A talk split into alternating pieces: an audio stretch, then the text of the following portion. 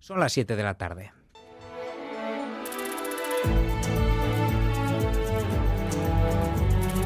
Gambara con John Fernández Muro.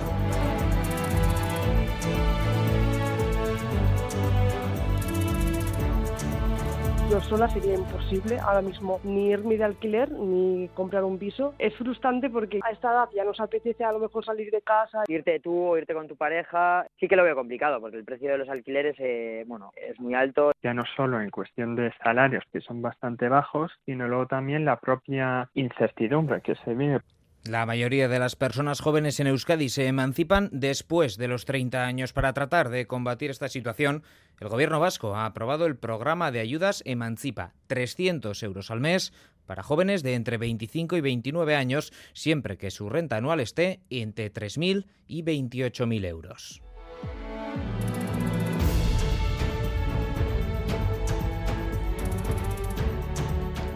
¿Qué tal? Están a Rachaldeón. Enseguida desgranamos los detalles de esta medida y analizamos con expertos qué podría o debería hacerse para que los jóvenes puedan dar comienzo antes a sus proyectos de vida. Pero el día nos lleva también a Pamplona. Quedan menos de 48 horas para la moción de censura contra la alcaldesa Cristina Ibarrola. UPN mantiene su presión al PSN y uno de sus efectos, Tomás Rodríguez, que tenía que tomar posesión como sustituto de Elma Saiz a ser el siguiente en la lista, renuncia a ser concejal.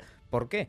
Por los constantes señalamientos y ataques de UPN y de la propia alcaldesa Cristina Barrolas, según ha denunciado el secretario de organización de los socialistas navarros, Ramón Alzorriz le señaló, diciendo además que quería que tomase posición y que se marcase delante de los ciudadanos y ciudadanas de Pamplona. Creo que eso hace flaco favor a la convivencia y exigimos a Unión del Pueblo Navarro que cese en su acoso permanente a un partido que lo único que está haciendo es utilizar las herramientas democráticas.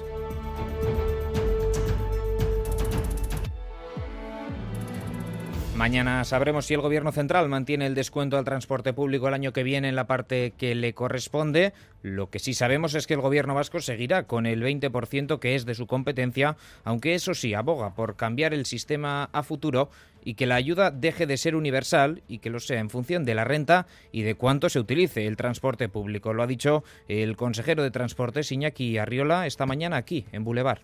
Lo que parece más justo es que hubiera un sistema de estas características parecido al que en este momento se está llevando a cabo en Guipúzcoa por medio de la tarjeta MUGI, que ya recoge tramos, descuentos progresivos, tiene en cuenta la situación social de las familias, etcétera. Con las retoques o modificaciones que sean oportunas y ojalá puedan ser consensuadas, este sería el modelo que pensamos que sería mejor Arriola también ha hablado de las ayudas a la rehabilitación de vivienda. No será hasta finales del año 2024 cuando Euskadi sepa si finalmente recibe o no más fondos europeos para poder destinarlos a esas ayudas.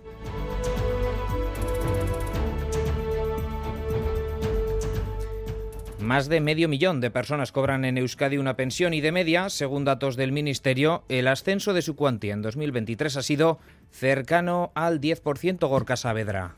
En Euskadi la pensión de jubilación media alcanza los 1.688 euros y en Navarra los 1.551, es decir, 310 y 173 euros más respectivamente en comparación con los datos del Estado. Por su parte, la pensión media del sistema, la que engloba todo tipo de pensión, pensiones de jubilación, incapacidad permanente, orfandad o viudedad, se sitúa en los 1.198 euros en el Estado. Y aquí en Euskadi y Navarra también se mejora esa cifra, 1.485 euros en Euskadi y 1.376 en Navarra.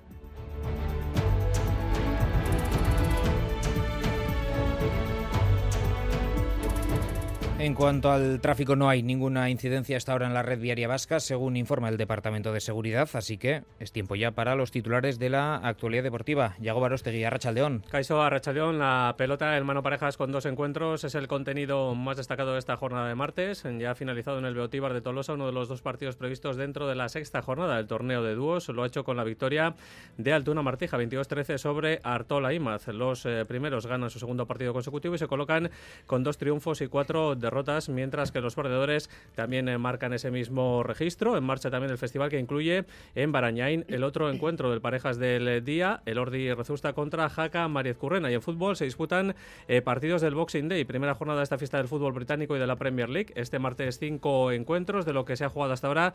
Destacamos la victoria del Bournemouth de Andoni Iraola, 3-0 sobre el Fulham, que coloca décimo al equipo del entrenador de Usurbil. A las 9 va a comenzar un interesante Manchester United Aston Villa. Los villanos que entrena otro vasco, una Emery, van a intentar ponerse primeros en la clasificación de esta Premier League.